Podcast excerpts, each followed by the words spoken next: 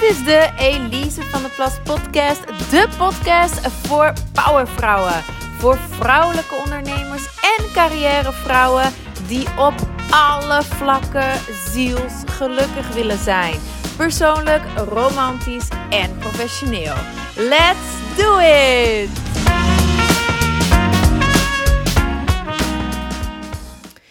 Yes, yes. Je geluksgevoel vergroten en afvallen is eigenlijk heel simpel. Nu, toen ik ongelukkig was, om maar gelijk met de deur in huis te vallen, toen dacht ik dus dat gelukkig worden een hele zware opgave is. En dat het ontzettend lastig is. En toen ik 30 kilo aankwam tijdens mijn zwangerschap, toen dacht ik ook dat afvallen heel, heel, heel moeilijk is. En dat ik dat, die kilo's nooit meer zou krijgen, kwijtraken. Ja, ik maakte mezelf echt wijs dat het super moeilijk was. En ik was eerlijk gezegd ook klaar om het eigenlijk op te geven. Al vrij snel. Tot ik besefte. hey, ik zit mezelf gewoon ontzettend in de weg. Ik zit mezelf ontzettend in de weg. Want op papier is het eigenlijk helemaal niet zo moeilijk. Sterker nog, het is heel simpel. Het is eigenlijk echt 1 plus 1 is 2. Denk eerst aan afvallen. Als je minder calorieën tot je neemt dan dat je verbrandt, dan val je af. Zwaar hè? Nou, met gelukkig zijn dacht ik, werkt die som eigenlijk net zo toch? Als je meer doet waar je gelukkig van wordt dan waar je ongelukkig van wordt, dan neemt je geluksgevoel toe. He, dan zul je met meer geluk onderaan die lijn eindigen. En ik snap dat het super irritant klinkt, maar het is echt zo. Als je meer doet waar je blij van wordt dan waar je niet blij van wordt, dan word je gelukkiger. Maar ik zei het net al, waarom doen we dat dan niet gewoon? Net als met afvallen, waarom lukt dat dan niet zo makkelijk?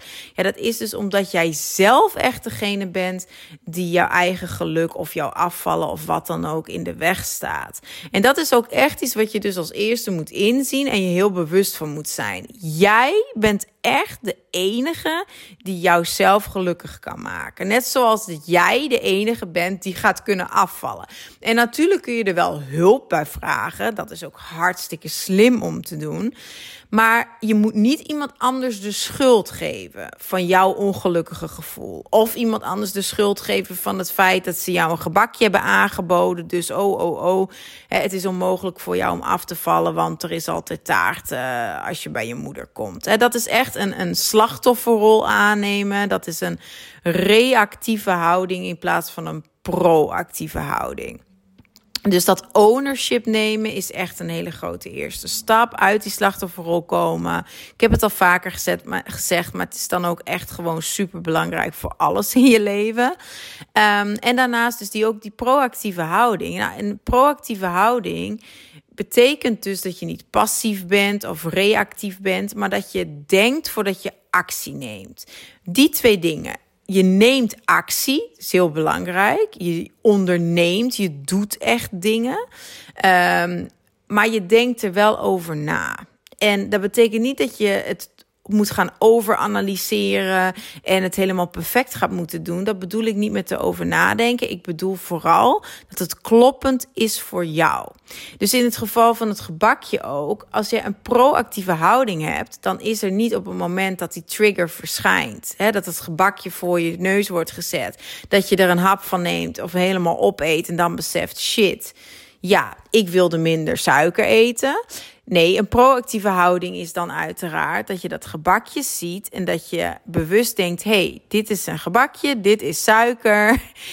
Um, ik wil momenteel minder suiker tot me nemen, dus ik ga bedanken voor het gebakje en ik ga in plaats daarvan vragen of ik een glas water mag en een appel. Ik noem maar iets. Maar dat is dan een proactieve houding. Dus dat betekent ook niet dat je zielig in een hoekje moet gaan zitten. Nee, je kunt natuurlijk dingen ondernemen. Um, maar je denkt er gewoon over na wat op dat moment kloppend is voor jou. En dat klinkt heel logisch, maar in de praktijk doen helaas maar heel weinig mensen dat.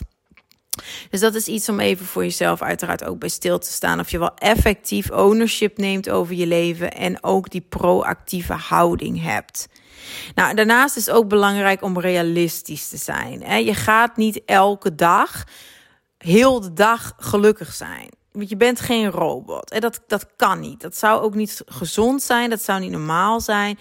Uh, sterker nog, je kunt ook alleen grote gelukspieken ervaren als je ook mindere momenten kent. Hè? Het, is, het is allemaal relatief. En dus dat is ook een besef, het realistische besef daarin, dat je niet altijd gelukkig zult en moet zijn om wel een gelukkig mens te kunnen zijn en een gelukkig leven te kunnen leiden. Nu, en als je sterk verbonden bent met jezelf, dan heb je ook die veerkracht en die vaardigheden om daar goed mee om te gaan met die mindere momenten. Dus dan, dan ervaar je dat ook helemaal niet zo zwaar. Hè? Want mensen denken, oh je bent altijd positief en gelukkig.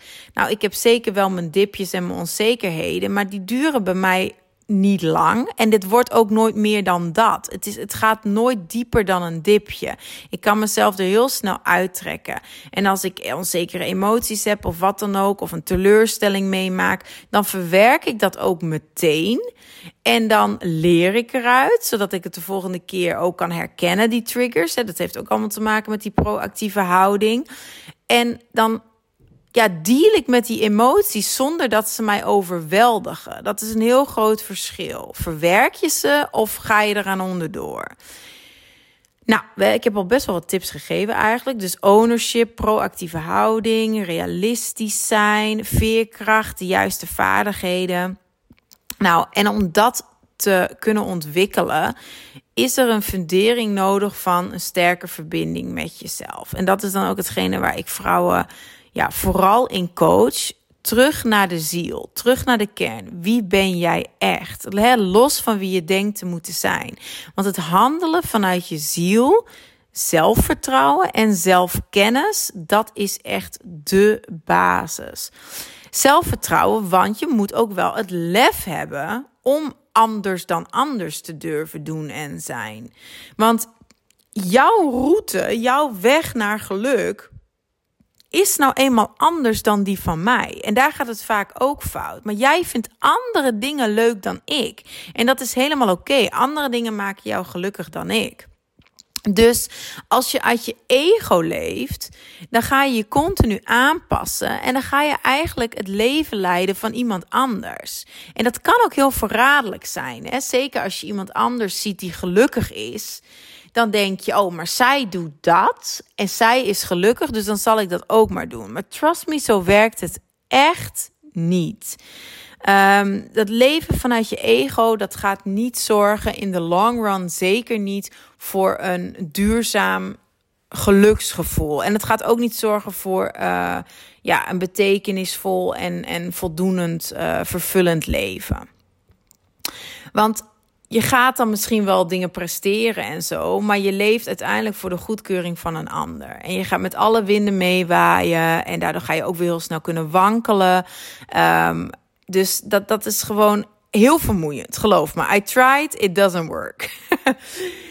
nou, en dan hebben we nog de moedjes. Ik zei het al, je staat jezelf heel erg in de weg. Nou, ik heb net al tal van tips gegeven. Um, maar waar mensen zich ook heel vaak in verliezen op zoek naar uh, geluk, zeg maar, of waardoor ze hun eigen geluk in de weg staan, zijn al die moedjes, die dingen die je denkt te moeten doen om gelukkig te zijn, of om een goede partner te zijn, of om whatever te zijn, hebben we het gevoel dat we van alles moeten. Um, ik hoorde het vanochtend ook weer van een coachingklant van mij. Ja, maar ik moet echt wel uh, minimaal vier keer per week posten op Instagram voor mijn bedrijf van het algoritme van Instagram. Want, want, want. En ik liet haar er wat verder in gaan. Um, en zei je, maar moet dat nou echt? Want waar hebben we het over? Je moet van het algoritme van Instagram. Nee, ik geloof er dus echt niet in. Hè? Dus Um, en je moet een funnel. Dat was ook zoiets. Ik moet een funnel, want Huppeltje heeft ook een funnel. En dat is dan volledig ego, want die verdiende daar 10.000 per maand mee. Um, je ego houdt je daarin echt voor de gek. Nee, je hoeft helemaal geen funnel. Je hoeft zelfs niet elke dag of vier keer per week te posten op Instagram. Ik geloof er echt niet in. Je hoeft niet te doen wat zij doet of wat Instagram zegt dat je moet doen. Het is jouw leven en je moet echt doen wat goed voelt voor jou. als je doet wat echt in alignment is met wie jij bent, dan ga je niet alleen gelukkiger zijn, maar ook succesvoller zijn. Dus that's it, echt waar. Jouw succes, jouw route naar succes en geluk is echt jouw eigen unieke route. En die ga je moeten kunnen uh, ontdekken. Dat recept ga je moeten uitvinden. Jouw unieke succes- en geluksrecept. Nou, voor nu heb ik twee vragen voor je. Eigenlijk dus heel simpel. Wat maakt jou gelukkig? Pak een blad papier, typ het uit, whatever. Blijf dat de komende tijd ook aanvullen. Wat maakt jou gelukkig? Dat kan alles zijn. Van vogelgeluiden tot uh, een bepaalde zangeres waar je graag naar luistert, tot parachutespringen. Het maakt allemaal niet uit, maar wat maakt jou nu echt gelukkig? En uiteraard, doe dat dan dus ook heel veel. Zoek dat geluk voor jezelf op. En dan voel je hem waarschijnlijk al aankomen. De tweede vraag: wat maakt je ongelukkig? Waar mag jij minder van gaan doen? Omdat het je gewoon ontzettend veel energie kost. Wat zijn jouw moedjes? Wat zijn dingen die je op je hebt genomen die je eigenlijk helemaal niet graag doet?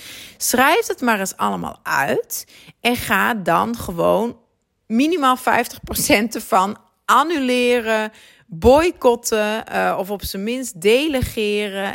moet het echt gebeuren? Zorg dan, vraag jezelf dan niet af hoe kan ik het doen, maar vraag je af wie kan het eventueel voor mij doen. Wees gewoon creatief en positief en zoek daar een oplossing voor, want die is er echt.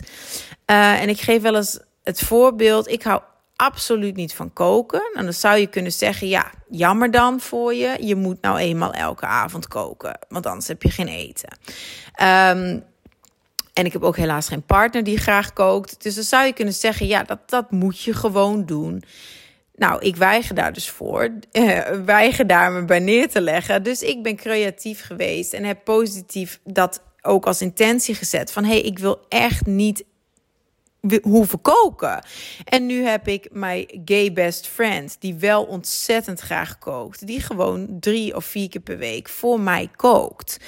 Dus dat is echt een win-win situatie. Want hij vindt het leuk en ik vind het hartstikke fijn, uiteraard. Ik hoef het ook alleen maar op te warmen. Nou, daarnaast heb ik dan nog een tijdje Hallo Fresh uh, gehad. Um, is geen gesponsorde post. Ben ik inmiddels weer mee gestopt. En nu geef ik heel eerlijk toe, is het vooral dus Bart die voor mij kookt. En daarnaast is het uh, kant-en-klaar maaltijden van de Albertijn. Wat helemaal prima is, geloof me. Um, en dan uh, takeaway af en toe. Dus ik kook echt. Ik kan het. Nou, ik kan het op één hand tellen, denk ik, per maand. Dat ik kook. Want ik vind het gewoon echt absoluut niet leuk. En het draagt zo bij aan mijn geluksgevoel. Als ik weet dat ik s'avonds niet hoef te koken. Dus denk ook echt vanuit mogelijkheden. Denk niet vanuit problemen. Denk echt vanuit mogelijkheden en oplossingen. En geloof me, het leven wordt er een stuk leuker van en je wordt een stuk gelukkiger. Dus die twee vragen. Wat maakt je gelukkig? Doe dat veel. Wat maakt je ongelukkig? Doe dat niet. Het is eigenlijk echt zo simpel. Nou, mocht je nou graag eens hebben dat ik hierover met je meedenk, dat kan hè. Um, dit gesprek is dan vrijblijvend en gratis, maar ik ga er wel bij zeggen, het is natuurlijk wel enkel voor vrouwen die al enig zelfwerk hebben gedaan. Uh, die dus niet meer in die slachtofferrol zitten. Maar als jij voelt, ja, ik ben echt klaar om next level te gaan in mijn leven, in mijn carrière, in de relatie met mezelf. Want daar help ik vrouwen vooral bij. Uh, ik ben klaar om die relatie met mezelf echt naar topniveau te brengen. Um, zelfliefde, zelfvertrouwen, zelfontplooiing, et cetera. Maar ook de relatie met anderen. Ja, dan is dat gesprek echt wel heel interessant voor jou. En dan uh, kijk ik graag met je mee hoe ik jou eventueel kan helpen. En dan kunnen we uiteraard ook sparren hoe jij gelukkiger zou kunnen worden. En wat jij dus op korte termijn al zou kunnen doen om je geluksgevoel gewoon echt heel erg te vergroten. Dit was de aflevering voor vandaag. Ik heb hem weer in één keer opgenomen. Hij is niet perfect, maar ik ga, vertrouw er altijd op dat jij er wel weer uithaalt uh, wat jij nodig hebt op dit moment. En dan hoor je mij volgende week vrijdag weer. Tot dan. Bye bye.